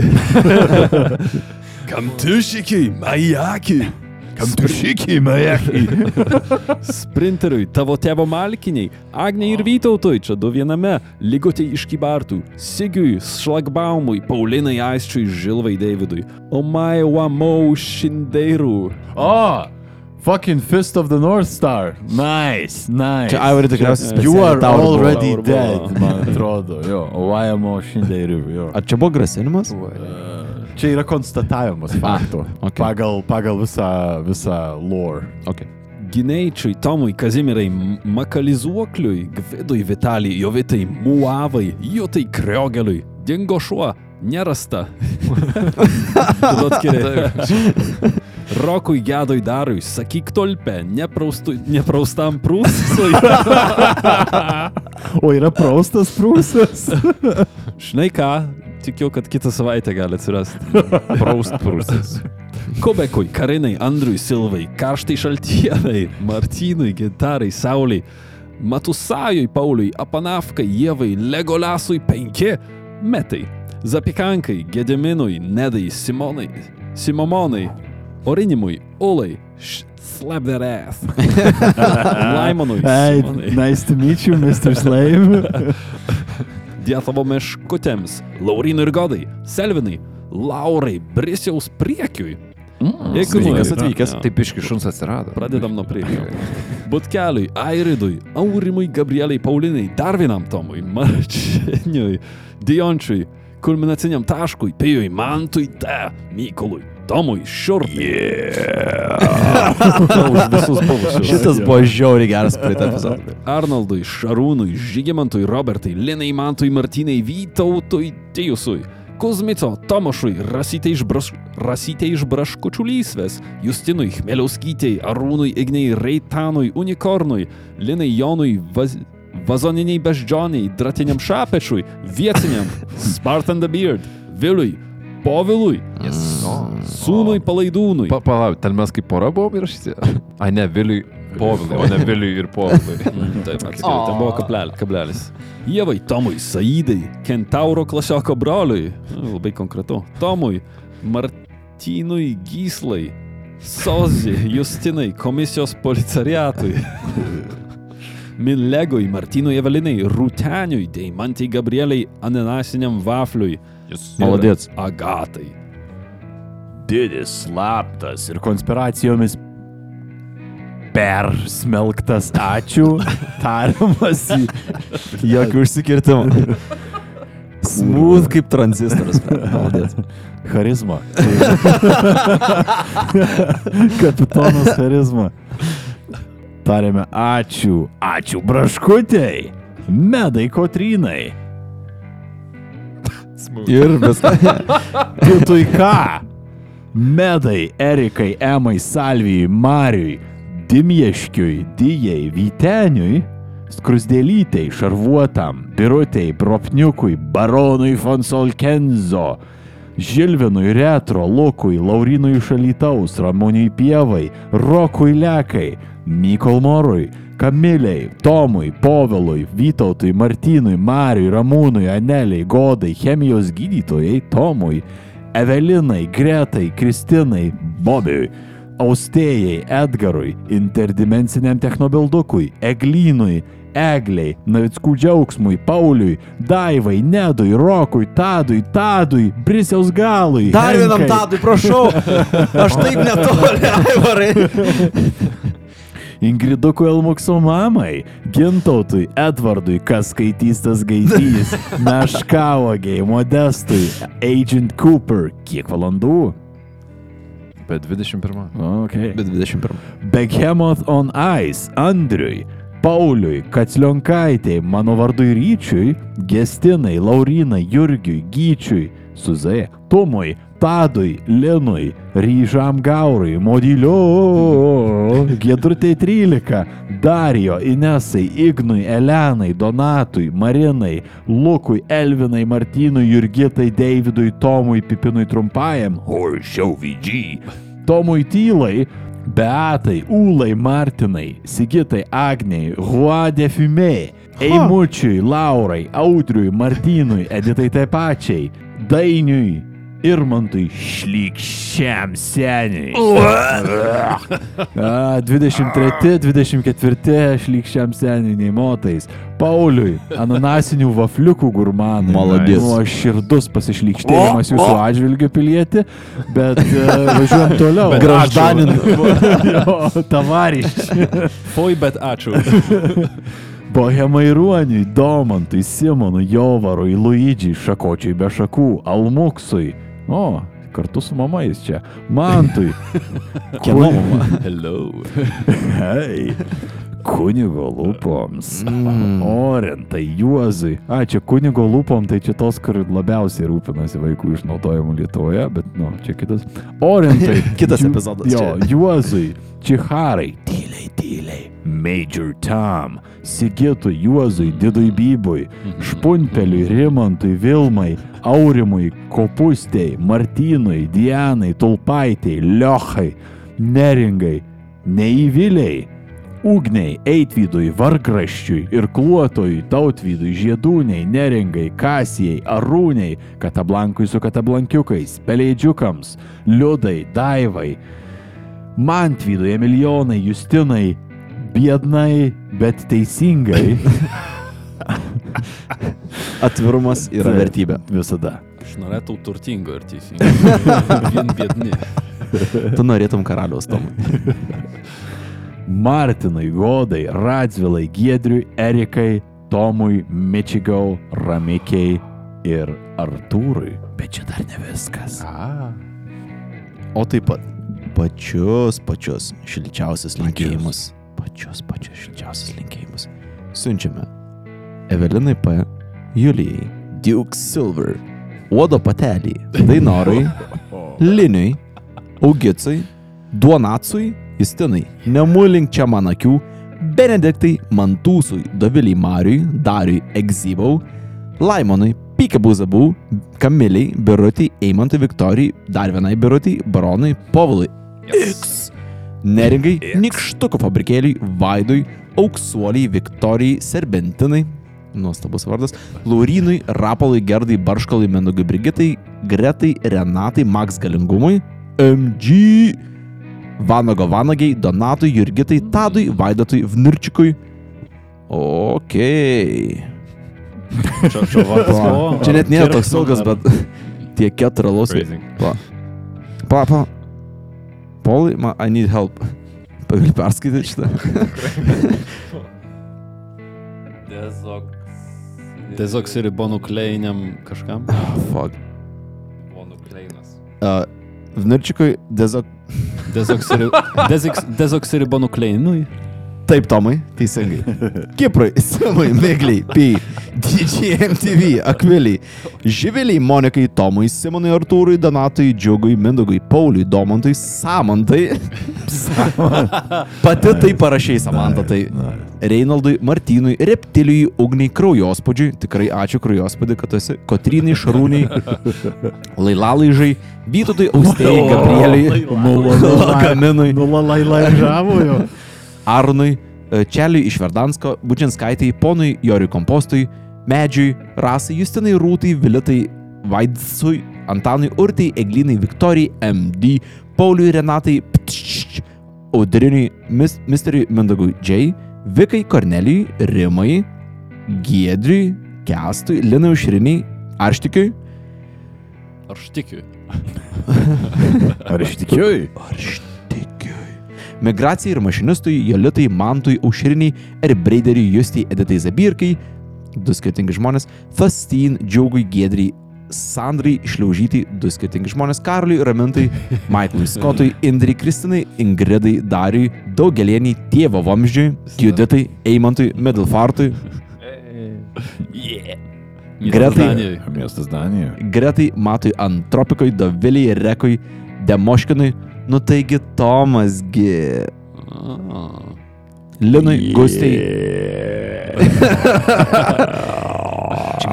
Irmantui, Ernestai, Giedriai, Gretai, Kristinai, 2 metrai be galvos. O tai ką su galva? Ausies skausmui, Vaidatui, Deimantai, Pauliui, Audrai. Perdukcija, Melitai, www, papa, www, baldaiska.lt naudoti didį baldai. Again, kur mašina Čia yra rodo. apvieniausias integracijas, kol kas, kokias gali būti. Jeigu nori dėl tikros integracijos, Tik 10 eurų per protopemza.gmail.com Arūnui, Rūtai, Ryteniai, Ingai, Gretai, Silvijai ir O taip pat konspiracinis, bet vis tiek tikras. Ačiū, sakomas šiems žmonėms. Robertui, Brisiaus pasididžiavimui labai įdomu. Wow, turim brisis priekį ir brisis šiuo metu. Ne, Jo, ir Brisiaus gal. galas. Brisiaus penis. buvo galas? Aha, Jo. Buvo galas. Mm. Turim. Priekis, galas ir penis liko. Jo. Ei, po- o kodėl jo pasididžiavimas negali būti jo juosmuo, pavyzdžiui? Šiaip, Jo, jo. Taip, jo, jo vidurinio, Tada turėsim pilną Taip. bėdų. vidurinio išsilavinimo diplomas yra jo pasididžiavimas. Širdis. Community College for Dogs. Rimai Kats, Pauliui Redai, Laimonui Vijūnui, Agniai Doviliai Arnui, Pijui Venslavui, Mindaugui Doviliai Egliai Meškiui Donelaitai, Robertai, Augustai, Miki Pūrui, Geruliai, Brisiaus Lenciūgui, wow, o kiek reikia Jau arti, jau arti. Gal Būdos. Lenciūgų. Justui Vytautui, Krapui tarp dantų, Dariui, Agniai, Dėdei Tomui, Mantui, Akučkaitai, Tadzikučiui, Benui, Editai, Pukeliui, Linai, Egliai, Gediminui, Sauliui, Evelinai, Tadui, Vygai, Arnoldui, Raimondui, Solveigai, Povilai, Raimondui, Viltai, Mykolui, Mantui, Pitskai, Gretai, Jonui, Marijai, Mildeliai. Tai buvo nedideliai baltai katytai. O, jau einam į kitą apsakymą.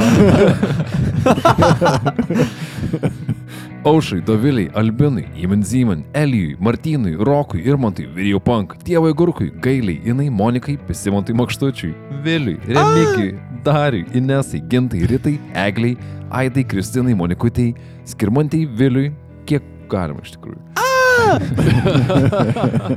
Emantui, Alvitai, Mariui, Vytautai, Julijai, Egliai, Tomui, Tomui, Robertui, Povilui, Jorindai, Gretai, Mildai, Andreliui. Go for the nipple. Net pamečiau, kur skaičiau susinepatogino jo kažkaip. Ne, ne, tai ten ste. Nesigėdk Bonerio. Do... It's Bentley.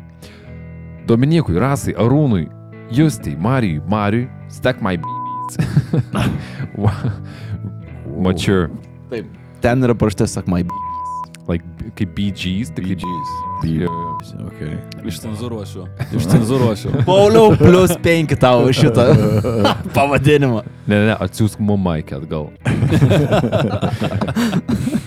Arminui, Stepanui, Šarūnui, Rūtai, Auritai, Justinui, Venskūnaitai, Kunigundai, Mirandai, Kūgiui Mūgiui, Mikui, Ainui, Irimai, Justinui, Domantui, Rolandui, Gabrieliui, Benui, Tomai, Erikai, Medoniui, Grėtai, ne šiaip Indrai, Ufonautui, Akviliai, Rasai, Edvinui, Sauliui, Arvidui, Purplicious, Natiušai, Linai, Brigitai, Vaidui, Simonai, Eugenijui, Voltaire Punk, o, Masonas, Čia tai masonas.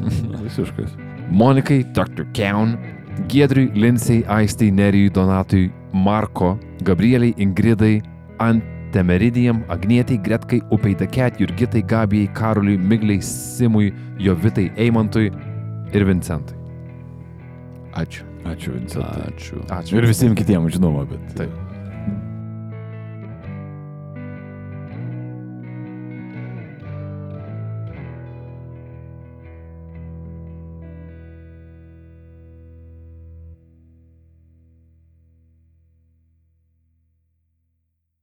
Gali duoti pačiunkuoti savo lasdelį.